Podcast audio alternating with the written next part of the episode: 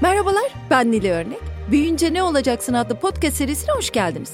Bu bir mini seri. Konuklarımla büyümek, gelecek, gelecek için atılan ya da atılmayan adımlar, keşkeler, iyikiler ve genel olarak hayatın farklı alanlarından konuşurken biraz olsun bugünü ve yarını da anlamaya çalışacağız.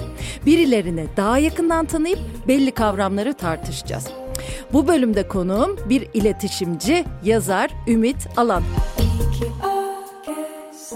Hoş geldin Ümit. Hoş bulduk Nilay. Sohbet etmeyi sevdiğim birisi Ümit. Burada olmasından da çok mutluyum. Kimdir biraz anlatmak istiyorum. Çok kısacık anlatacağım. Şimdi reklamcı dedim ama yazar olarak tanıyoruz biz onu. Özellikle de pek çok insan onu gazeteci olarak bilir. 2000 yılından beri Radikal'den başlayarak çeşitli mecralarda yazılar yazıyor. Bir günde 2009'dan beri galiba değil mi? Evet. Saraydan Saraya Türkiye'de gazetecilik masalı can yayınlarından çıktı. Çok güzel bir kitap araştırmayla. Yeni Medya 451 Can Öz ile yaptığı podcast'ı var. Televizyonda yorumculuk da yaptı. Ne yaşadık şimdi biz? Bence çok güzel bir programda Ayşen Şahin'le. Pandemi mi o işi bozdu. Ne oldu? Evet pandemi bozdu. Evlerden kayıt yapmak pandeminin ilk zamanlarında o konuda tecrübesi yoktu Türkiye'de yayıncılık sektörünün. Onun kurgusu falan çok zor oldu. Biz de stüdyoya gitmek istemedik. Öyle bir süreçten sonra en iyisi bırakalım dedik. Hakikaten ne yaşadık şimdi biz? Çok güzel başlık ve çok güzel bir konu.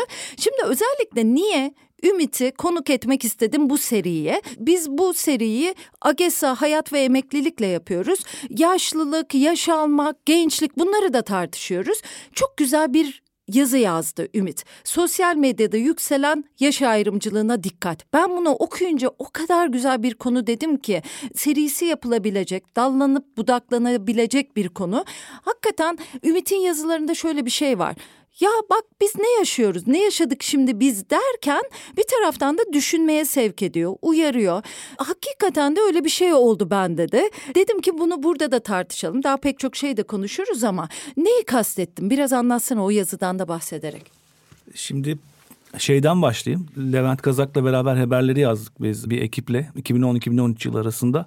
Levent Kazak ben ustalarından biri olarak kabul ederim. Bize kendi kişisel derdiniz üzerinden mizah yapmaya çalışın o zaman gerçek olur derdi. İşte bu yazıda da son dönemlerde çok dert ettiğim bir konu bu.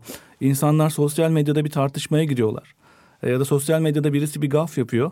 Hemen yaşı üzerinden değerlendirme. Diyor yaşlı bir komedyen mesela çıkıyor bir şey söylüyor. Hemen işte sen de yaşlandın artık doğru düşünemiyorsun falan diye. Ya da bir başkası çıkıyor gençler hakkında tek bir gencin hareketinden yola çıkarak işte bütün Z kuşağı böyle. Z kuşağı bütün kavramları tembellik üzerine ya da bağımsızlık üzerine gibi çok şey yorumlar yapıyorlar. Genellemeci, Genellemeci hiç hangi Z kuşağı yani hiçbir sosyoekonomik faktörü gözetmeden bütün gençlerin aynı olduğunu düşünerek ve anlamaya çalışmayarak karşılıklı var ama daha çok yaşlılar üzerinde ben bunun. Özellikle pandemide yaşlılara uygulanan sokağa çıkma yasakları, yaşlılara uygulanan garip ayrımcı ifadeler sosyal medyada ondan sonra çok artmıştı. Bunu dert ettiğimi düşündüm. Ondan sonra bununla ilgili kısa bir araştırma yaptım. Yani çok da derine dalmadım aslında. Bir iki tane araştırma buldum. O araştırmalar üzerinden okudum ve gördüm ki aslında yaşlılar da buna karşı tepkili. Gençler de kendileri için yapılan işte Z kuşağı çalışmıyor, e, isteksiz, istikrarı yok, hemen işten ayrılıyorlar gibi yorumlara karşı tepkili. Birbirlerini anlama gibi bir çaba yok. Bunun üzerine bu konuyu yazayım ben dedim. Artık kime ulaşırsa. Bence çok güzel bir konu. E, ben de bunu görüyorum. Sosyal medyada yaşanan yaş ayrımcılığı. E, bir kutuplaştırma her konuda var zaten. Evet. Bir bu kenara koyalım. Yaş kutuplaştırması da Hı-hı. yapıyoruz artık hani her şey bitti. bitti. Yaş konusunda da insanları kutuplaştırıyoruz. Bir taraftan da kolay anlamaya çalışmacılık var ya. Yani evet. bir etiket koyarsak bir insanı ya da bir grubu çok kolay anlıyoruz ve onlar üzerinden kolay tespitler yapabiliyoruz. Onlara kolay hizmet sunabiliyoruz. Ama bu aşağılamaya, ayrımcılığa, hedeflemeye de dönünce çok garip bir hale geldi. Hı-hı. E tabii ki pandemi döneminde 65 yaş üstüne uygulanan yasaklar. Age Haydın psikiyatrist çok güzel bir şey söylemişti. Nasıl olunur da benim diğer podcast'imde şöyle bir şeydi. 65 yaş üstüne uygulanan ayrımcılık, onları eve hapsetme aslında gençlere bir mesaj. Gençlere kötü bir mesaj. Nedir bu mesaj? Yani biraz yaş alınca işe yaramaz gibi görüleceksin. Ve bu yaş çok aşağıda bir yaş aslında. 65 ne ki? Uzayan yaşamlarımız içinde değil mi? İnsanlar 100 yaşına Hı-hı. kadar yaşayacak diyorlar. Biz bugün Ümit'le stüdyoya girmeden önce konuşuyorduk. Yılmaz Büyükerşen mesela daha yeni görmüş. 86 yaşında ne kadar aktif, ne kadar düşünen, yeni medyayı algılayan bir insan olduğundan bahsediyordun değil mi? Ben evet, de pek çok örnek evet, görüyorum zaten böyle. Türkiye'de hem iletişim fakültesi kuran hem mali alanında profesör olmuş hem de belediyecilikte yükselmiş. Koca bir kampüs inşa etmiş bir insan olarak algıları hala açık konularla ilgili bağlan hala bir şeyler öğrenebildiğim ve çok şey öğrenme olasılığım olan da bir insan. Bu çok değerli bir şey aslında. Yazıdan sonra bana bir mail geldi. Seçil Büker, o da iletişimin duayen profesörlerinden biri. Ankara Üniversitesi, Gazi Üniversitesi, ODTÜ, Anadolu hepsinde görev yapmış. Çok kıymetli bir akademisyen. Emekli olmuş şu anda. Bu ayrımcılık akademide de var dedi. Özellikle öğrenciler yaşlı hocalarına karşı ayrımcılık yapıyorlar. Bunu hissettim ben dedi. Ama dedi daha da ötesinde sinema filmlerinde bile var dedi. Sine Yaşlılık diye bir platform kurmuş. Ee, orada sinema filmlerindeki yaşlılığın işlenişini yani yaşlı klişeleri sinemada nasıl üretiliyor? Nasıl yeniden onlar toplumun belleğine, toplumun e, davranış kalıplarına yerleşiyor gibi e, çok değerli buldum bu çabayı. Ve burada ciddi bir ayrım var. O da şuradan başlamış aslında. Burada kopuşu akademik makalelere baktığımda tarım toplumundan sanayi toplumuna geçerken insanlar yaşlılığa başka bakmaya başlamışlar. Tarım toplumunda çünkü yaşlıların deneyimi çok kıymetliymiş. İşte tarlayı ne zaman ekeceksin, ne zaman süreceksin, hangi riskler var tarlayla ilgili şeyler bunları yaşlılardan alıyorsun sürekli. Yani nesilden nesile aktarılan bir tecrübe var. O yüzden yaşlı tarım toplumunda çok kıymetli eli fiziksel olarak çalışmasa da verdiği tavsiyelerle o toprağın işlenmesini hala yönetiyor durduğu yerden. Ama sanayi toplumuna geçince bir anda o deneyim sürekli teknoloji yenilendiği için çok kısa periyotlarla şu anda yaşadığımız gibi yavaş yavaş deneyim değersizleşmeye başlamış. Halbuki yaşamla ilgili de bir deneyim var ama o sadece ekonomik ilişkiler üzerinden düşünüldüğü için bu değersizleşmeye başlayınca da toplumda yaşlıların işe yaramazlığına ilişkin bir algı iyice yerleşmeye başlamış. Şu an teknoloji toplumunda onun bir başka versiyonunu görüyoruz ama bana kalırsa yaşlıların deneyimleri ben de artık 43 yaşına gelmiş bir insan olarak çok ee, yaşlısın ya. Evet çok yaşlı değilim de e, şunu görüyorum kendimi daha iyi hissediyorum ben. Evet Yaş ya. aldıkça kendimi daha iyi hissediyorum çünkü daha fazla bilgim var. Gençliği de gördüm ve bizim kuşak e, sen de aynı kuşaktanız biz. Bizim kuşak çok kıymetli bir deneyim işte biz Anadolu'da da gördük. İnternetle 16-17 yaşlarında tanıştık. İnternetin gelişmesini gördük, sosyal medyanın dönüşmesini gördük ama televizyonun tek kanallı olduğu dönemi de hatırlıyoruz. Ben TRT2 için eve anten alındığını hatırlıyorum. Ve bunların arasındaki ilişkileri, nereden nereye geldiğimizi, davranış kalıplarımızın nasıl dönüştüğünü görebiliyoruz. Ee, bunu görmek belki de çok kıymetlidir diye düşünüyorum. O yüzden bir daha düşünsünler bence bu yaşlılık klişelerini. Bence de ya tavsiye vermeli miyiz aslında? Biz yaş alanlar ya da daha sonrakiler ya da bir şeyler yapıp bırakmalı mıyız? Gençler istedikleri tavsiyeleri almalılar mı? Ben ikincisini tercih ederim. Yani çünkü Ben de değil mi? Hatta üniversitelerde falan konuştuğumda hep şunu söylerim. Size en iyi tavsiyem bu tavsiyeyi dinlememek olur. yani çünkü hakikaten e, herkesin kişiliği farklı, yaşamla ilgili olayları karşılama yetenekleri farklı, kendi referans çerçeveleri farklı ve bir tavsiye verince o tavsiye sürekli kalıplaşacak ve bir doktrin haline gelecek gibi bir endişe taşıyorum. Çünkü her şey çok hızlı değişiyor. O yüzden tavsiyeyi çok sevmiyorum ama oturup da benim 10 tane eski yazımı okusa zaten ordunun içerisine alabileceğini alabilir. Veya senin podcastlerini dinlese geçmişe doğru onun içerisinden alacağını alabilir. Senin kitaplarını okuyunca da aynı şekilde. Aynı şeyi düşünüyorum ya. Yani e, yaptık bıraktık zaten. Biraz onlara bakılsa herkes böyle öz süzme böyle bir saatlik konuşma yani, ya da tavsiye bekliyor hemen ya. Hemen 280 karaktere sıkıştıralım onu bir şey haline getirelim. Hemen böyle evet. hap haline getirelim alalım. Oysa yaptık ve bıraktık. İstediğin kadarını al.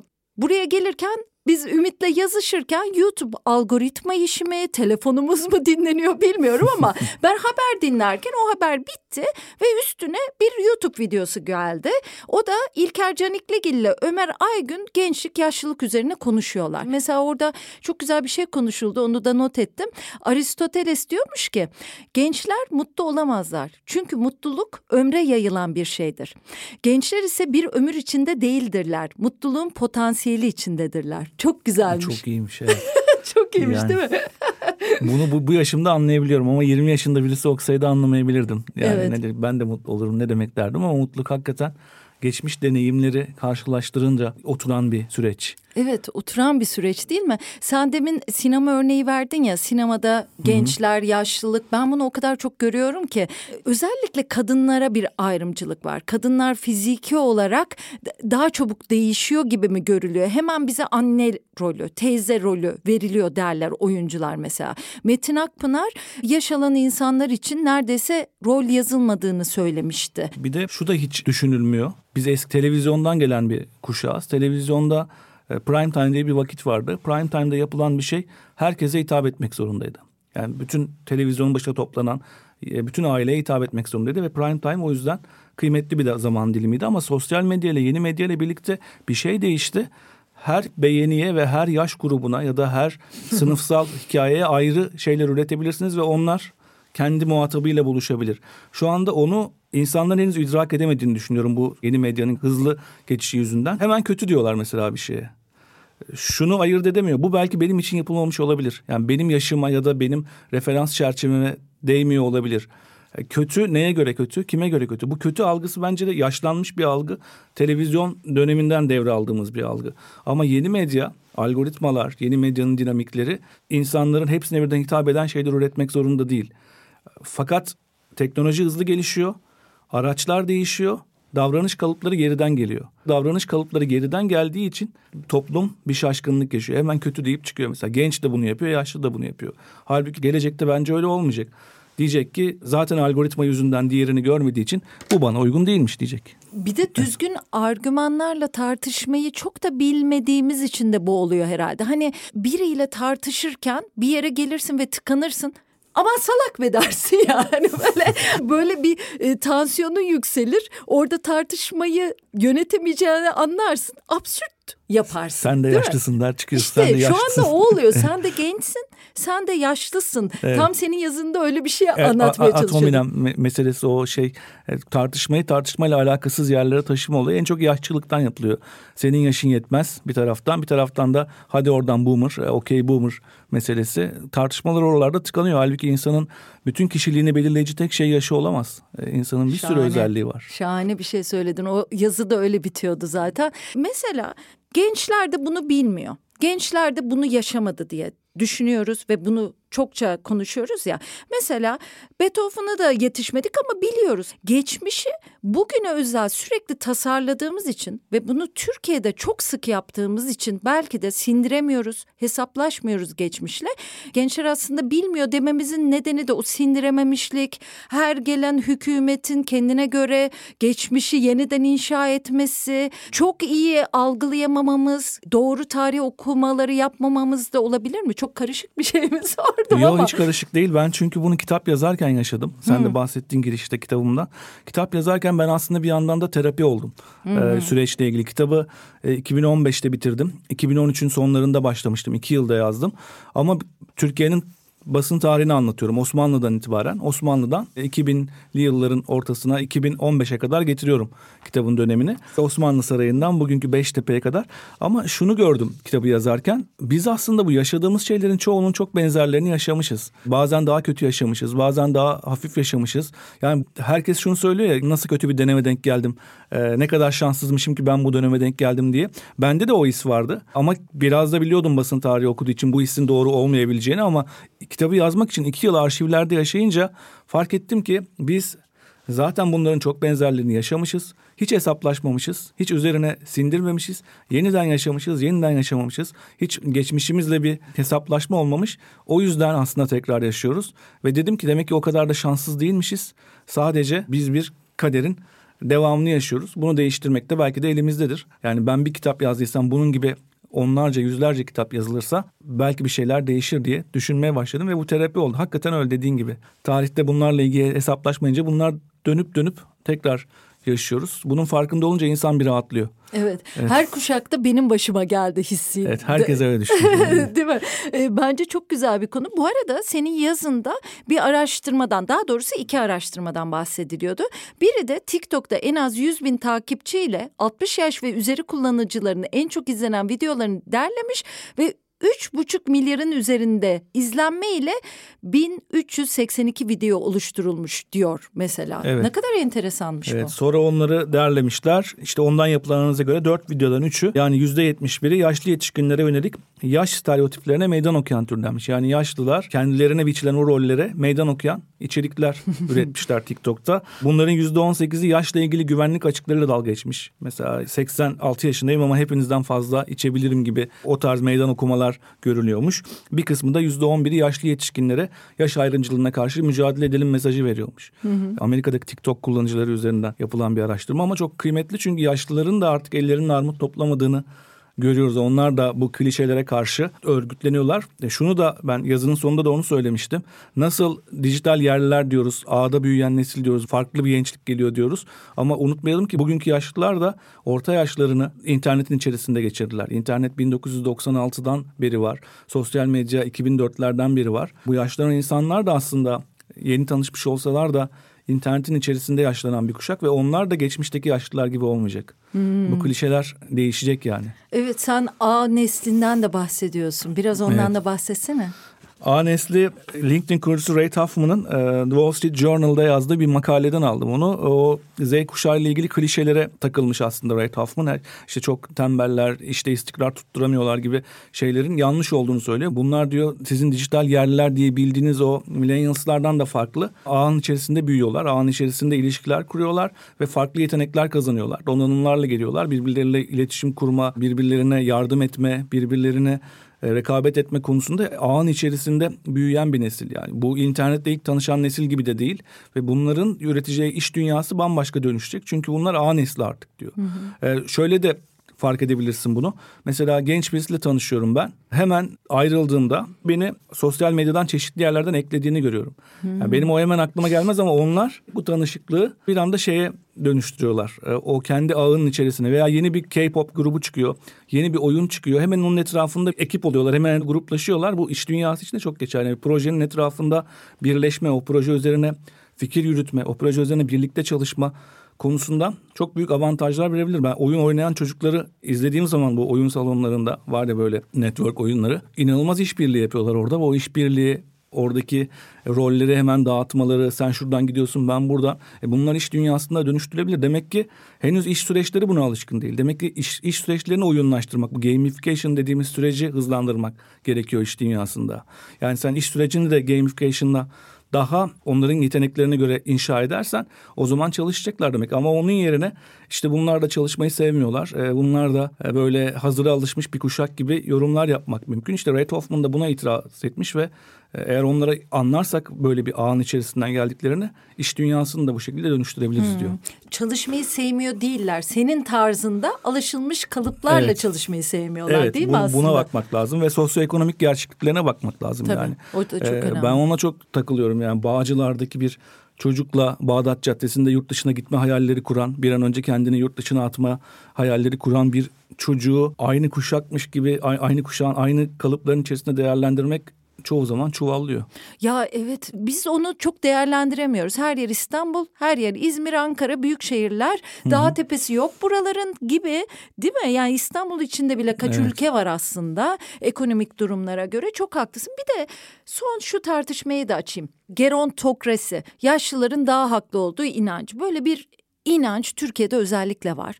Şimdi televizyonlarda, meclis sıralarında, orada burada konuşan ağırlıkla da adamların saçma saçma konuştuklarını görüyoruz. E onlar da belli bir yaşın üstündeler. Belki de benim kuşağım benden daha genç bir kuşak düşünüyor ki yaşı belli bir yaşın üstünde ve statüsü belli bir seviyenin üstünde olan insanlar saçma konuşuyor diye de düşünebilir. Çünkü hala onlar ekrandalar ya. Şimdi ama aslında bakarsan sosyal medyada, YouTube'da başka ekran yüzleri de var. E, onlar da düşünüyor ki bu televizyonlar geride kaldı. Değil mi? Ben evet. de televizyon seyretmiyorum bu nedenle. Çok saçma insanlar saçma görüşlerini, çok geri görüşlerini savunuyorlar ve bütün belli yaş almış insanlar sanki öylelermiş gibi benim bile sınıflandırasım geliyor. Bu da bir hataya yol açıyor olabilir mi? Muhakkak çünkü bazı yaşlılarda diyeyim şimdi ben de yaşlı klişelerini yeniden üretmeyeyim. Bir tavsiye verme şeyi olunca ve kendi inançlarını tekrarlama ve bunun üzerinden kendi ahlak kalıplarını ya da kendi dönemlerinin değerlerini e, söyleyince gençlerle buluşamayınca aynı düzlemde bu bir sorun yaratıyor. Ayrıca şunu da yaratıyor karşı karşıya geldiklerinde sosyal medya buna yol açtı. Önceden evimize misafir geldiğinde biz kendi odamıza çekilirdik. Ya da televizyonda bizi ilgilendirmeyen program şey yaptığında biz ayrı bir yere giderdik. E şu anda ama sosyal medyada karşılaşıyoruz ve bu karşılaşmalar iyi sonuçlar doğurmuyor her zaman. Çünkü onu söylediği zaman hemen ona gencin de bir cevabı oluyor. Fakat o insanın gençliğini bilmiyoruz ki o yaşlı insanın. O yaşlı insan gençliğinde de belki aynı kişilik, aynı ön yargılar, aynı kalıplar üzerinden kendini üretiyordu. Ee, ama yaşlandığında bu sadece yaşlılığına bağlanır hale geliyor. Ve onlar sürekli ekranları kaplayınca da bu bütün yaşlılara mal ediliyor. İşte sorun aslında burada başlıyor. Bütün yaşlılar öyle olmayabilir. Evet.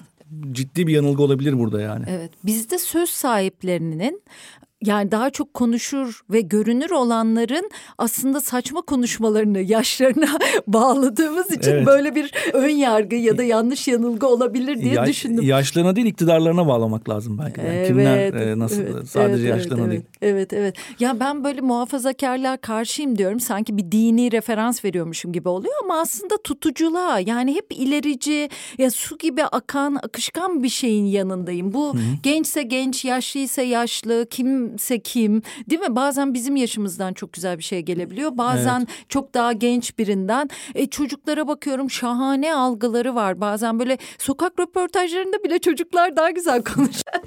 değil mi? Yani. Çok farklılar işte ben ben de çocuk yetiştiriyorum çünkü. Evet görüyorum. evet şimdi tam evet. da ona girecektim. Leyla ya hiç yaşlanmayın ne olur yaşlanmayın demiş değil mi? Beşinci yaş günündeydi. Evet. Ne acayip Siz, Sizin şey. yaşlanmanızı istemiyorum değil mi? Ben çocuk yetiştirirken şunu gördüm. Benim işim şaşırmak, merak etmek ve yazmak. Yani 13 yıldır düzenli yazıyorum. Her hafta bir şeyi şaşırmam lazım. Her hafta o şaşırdığım şeyi merak etmem lazım. Onunla ilgili küçük bir araştırma yazmam, üzerine kendi yorumlarımı katıp yazı yazmam lazım. Ve buna çok alışkın bir tabiatım olması gerekiyor. Ama çocukta bunun çok daha üstüne çıktım. Yani her gün bir şeye şaşırıyorum. Her gün bir bakışına şaşırıyor. Yani bir konuya bakışına, ele alışına, benden çok farklı olmasına. Yani çocuk büyütmek bence şaşırmayı yeniden keşfetmekle ilgili bir şey. Leyla geçenlerde yazıcıdan biz sürekli çıkış alıyoruz. Ee, eşim de evde çalışıyor bazen ben de. Ben bakıyorum her zaman yazıcının kağıt tablası boş. Kağıt ekliyorum. Bir süre sonra tekrar bakıyorum yine boş. Anlayamıyorum da demek ki diyorum Esin çok çalıştı e, eşim. sonra bir gün Leyla geldi baba dedi bu yazıcı dedi neden artık kağıt kusmuyor dedi. Kağıt mı kusuyor dedim. Hani bu kağıt kusuyor her gün alıyoruz ya dedi. Yani artık niye kusmuyor dedi. Meğer o ziyan olmasın diye o kağıtları kustukça alıyormuş. Kendisi resim falan bir yerde de biriktiriyormuş. Odasında da buldum. Şöyle bir tomar olmuş orada. Şahane. yani bizim yazdırmayla ilgili düşündüğümüz bir şey bir anda o kağıt üreticisi olarak bakıyor. Öyle üretiyor. E, bir yıl başında şey demişti mesela. Yeni yıla girdik mi dedi. Evet girdik kızım dedim. Ama dedi hala Şişli'deyiz. ya, ya bunlar şişli. Dedim öyle bir şeydi ama anlatmak bunlar o kadar keyifli oluyor ki sürekli yani. Çünkü hep bir bakış ve yalan yok ya hayatlarında. Yani yalan bir yaştan sonra. Yani yavaş yavaş şu an beş yaşında artık yalanı da öğrenmeye başladığını fark ediyorum. Ama beş yaşına kadar gelen süreçte hiç yalan yok. Hep böyle seni sevmiyorsa da şey yapmıyorsa da çat çat çat söyleme o dürüstlük bazen can yakıcı da olabiliyor yani. Bana söyledikleri annesine söyledikleri ama o yavaş yavaş ehlileşiyor. Ya çok acayip. Çok evet. çok duygu dolu bir şeyi çok böyle evet. güleç söyledin ama çok düşünülmesi evet. gereken bir şey. Peki sana iki sorum var. Birisi evet. ileride keşke dememek, hep iyi ki demek için neler yaparsın ya da neler düşünürsün? Yaptığın iyi şeyler var mı? Keşke dememek, iyi ki demek için bir defa şunu hep bir yere koyarım. Ben 2000 yılından itibaren gazetelere yazı göndermeye başladım. Ama nasıl bir cesaretse yani e, hem yazılar çok daha henüz naif başlangıç aşamasında ama bir özgüvenle gönderiyorum. Nasıl bir şeyse ilk gönderdiğim yazı Radikal'de yayınlandı. Radikal'in iki eki vardı o zaman Pazar eki. Tuğrul Yılmaz, Nazan Özcan onlar yönetiyordu. Yayınlanınca ben her hafta yazı göndermeye başladım Radikal. Tabii yayınlamıyorlar her hafta. Yani her hafta yayınlayabilirim. Oranın düzenli yazarı falan değilim ama bıkmadan gönderiyorum. 8 tane gönderiyorum bir tanesi yayınlanıyor. 10 tane gönderiyorum bir tanesi yayınlanıyor. Böyle böyle gitmeye başladı. Daha 20-21 yaşlarındayım yani. Radikal 2'de profesörler yazıyor. Çok uzman gazeteciler yazıyor. Belli konunun şeyleri yazıyor ama bir şekilde benimkileri de koyuyorlar aralara. Çok da iyi olmasa da belki. Genç genç bir bakış diye belki. Onlara iyi ki diyorum mesela. Onları yapmış olmasaydım burada olmazdım. 13 yıldır bir günde yazıyorum haftalık ve hiç mecbur değilim. Yani cumartesi günleri sabah 5'te kalkıyorum. Baskı saatine kadar yazıyı yetiştirmeye çalışıyorum. Ben hayatım bambaşka bir yerden kazanıyorum. Başka Hı-hı. bir mesleğim var. Hiç mecbur değilim ama buna iyi ki diyorum. İstikrar ve her yazıya alkış beklemediğim için iyi ki diyorum. Çünkü her çok yazı güzel. her yazıya alkış beklerseniz, her yazıya herkesin çok ilgi göstermesini ve övgüler, geri bildirimler göndermesini beklerseniz bir yerde bitersiniz. O Sosyal medya insanları ona alıştırıyor çünkü. Alkışlarla ee, yaşıyorum. Sürekli bir alkış, beğeni, like, etkileşim. Ama siz belirli bir periyotta yazacaksınız ve bazıları ilgi görecek, bazıları ilgi görmeyecek ki yavaş yavaş kendinizi inşa etmeye başlayın. Onlar bir iyi ki var. Çok güzel bir söyledin. De, bir de ben çok küçük yaşlarda çalışmaya başladım. Babamın kuzeninin gözlükçü dükkanında ortaokul için yaz tatilinde çalışmaya başlamıştım öyle yoksul bir aile de değildik. Yani benim çalışmama ihtiyaç yok. Yani çalışayım da aile bütçesine katkı sağlayayım diye değil. Tamamen kendi harçlığım. Üniversitenin son yılına kadar böyle çalıştım ben. Yaz tatillerine çalışıyorum. Hafta sonları çalışıyorum. Okul olmayan saatlerde çalışıyorum ama hiç sorgulamıyorum. Niye hmm. çalışıyorum ben? Yani çalışmasam babam bana harçlık verebilir. Babamın harçlığıyla da geçinebilirim. Üniversitenin son yılında bir anda cumartesi günü dükkana gittim ve pazartesi günü dükkana gitmedim bir anda bıraktım. Ee, ve üniversite hayatımı yaşayacağım ben dedim ama üniversitenin son yılına gelmişiz. Sonra bir yüksek lisans yaptım. Üç yıl teziyle beraber o sürdü.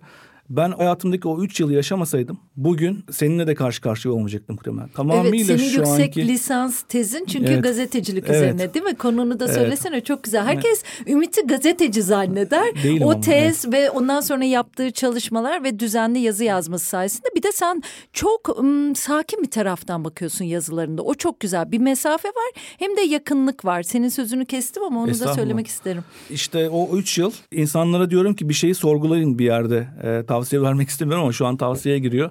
Ee, eğer sorgulamasaydım ben niye çalışıyorum? Yani ihtiyacım olmadığı halde, mecbur olmadığım halde niye çalışıyorum diye sorgulamasaydım. O üç yılda hayatımı kurdum en çok onun için iyi gidiyorum. Ee, bir de eşimle evlendiğim için iyi gidiyorum ama bunu politik olarak söylemiyorum şu anda. çok güzel yani, bir şey söyledin. Boşanmış olsaydık da bunu söylerdim. Aa, ee, şahane. İleride yani dünyanın bin bir türlü hali var. Boşanırsak da bunu söylerim. Çünkü benim konulara çok farklı yaklaşmama sağladı. Yazılarımın ilk okuyanıdır her zaman. Çok sert eleştirir. O sert eleştirilere ben ilk önce itiraz ederim, kavga ederiz. Ondan sonra anlamaya başlarım ama o bir dengeye oturtur. Ee, benim hem iç huzurumda hem de kariyerimle ilgili çok katkısı olmuştur. Şahane, şahane. Bak bu nesiller arası geçişte eşe hayat arkadaşına, partnere verilen önem yani bunu da görüyorum bazen biliyor musun? Hani inşallah daha da çok gelecek bu diye düşünüyorum. Gelecek nesillerde çok güzel bir şey söyledin. Birkaç şey söyledin hatta çok güzel. Evet. Peki büyüyünce ne olacaksın? Şimdi sen pek çok şey oldun da aslında. Reklamcılığın da var çok daha geri planda bizim Hı-hı. gördüğümüz. Yazılar yazıyorsun. Büyüyünce ne olacaksın derken neleri kastettiğimi evet. sen biliyorsun. Ben ilkokuldayken yazar olmayı hayal ediyordum. Bir kitap yazmayı hayal ediyordum. En büyük hayalim buydu ilkokul öğrencisiyken. Bu hayalime ulaştım. Yani ondan sonra yaptıklarım zaten benim için çok tekrar gibi olmaya başladı. Ama büyüyünce ne olacaksın deyince en çok e, şunu söylemek istiyorum. Zamanımın sahibi olmak istiyorum. Hmm, yani zamanımı güzel. satmak istemiyorum. Artık zamanımı satarak e, hayatımı sürdürmek istemiyorum. İnsanlar emekliliğe hep şey olarak bakıyor. Emekli olursun artık işten güçten çekilirsin, işe yaramaz hale gelirsin ama bence emeklilik insanın kendi zamanına artık kendisinin sahip olması, zamanını satmak zorunda kalmaması. Bunu o kadar çok özlüyorum ve istiyorum ki yine kitap yazayım, e, yine yazılar yazayım ama kitap yazdığım zaman yayın evi bana demesin ki bir sene sonra ya da altı ay sonra getireceksin senin deadline'ın bu. Tamamıyla kendi akışım içerisinde yapayım. Boş kalmayayım. Ya ben emeklilikten şunu anlamıyorum. Tamam artık yan gelip yatacağım, bomboş yatacağım. Ondan çok rahatsız olurum. Yani ben ne zaman hiçbir iş yapmamaya başlarsam o zaman zaten hem kendimi çok kötü hissederim hem de artık niye yaşıyorum diye sorgulamaya başlarım. Ama zamanımın sahibi olmak büyüyünce en büyük hayalim. Yani büyüyünce olunabilecek en iyi şey bence zamanla. Şu anda belki de Z kuşağı e, dediğimiz nesil, öyle değerlendirdiğimiz nesil belki onu daha iyi anladığı için biz onları eleştiriyoruz. Belki de onlar bizden daha erken zamanlarına sahip olmak istiyorlar. Çok güzel bir şey söyledim. Belki doğruyu onlar biliyor değil mi? Evet, belki de büyüyünce Z kuşağı olmak gerekir. çok güzel çok güzel bitirdik. Evet. Çok sağ ol Ümit. Şahane bir konuksun. Her zaman podcastlerde dinlerken de onu düşünüyorum. Can da takdir ediyor onu fark ediyorum. Senin çalışmanı yazılarını okurken de öyle düşünüyorum.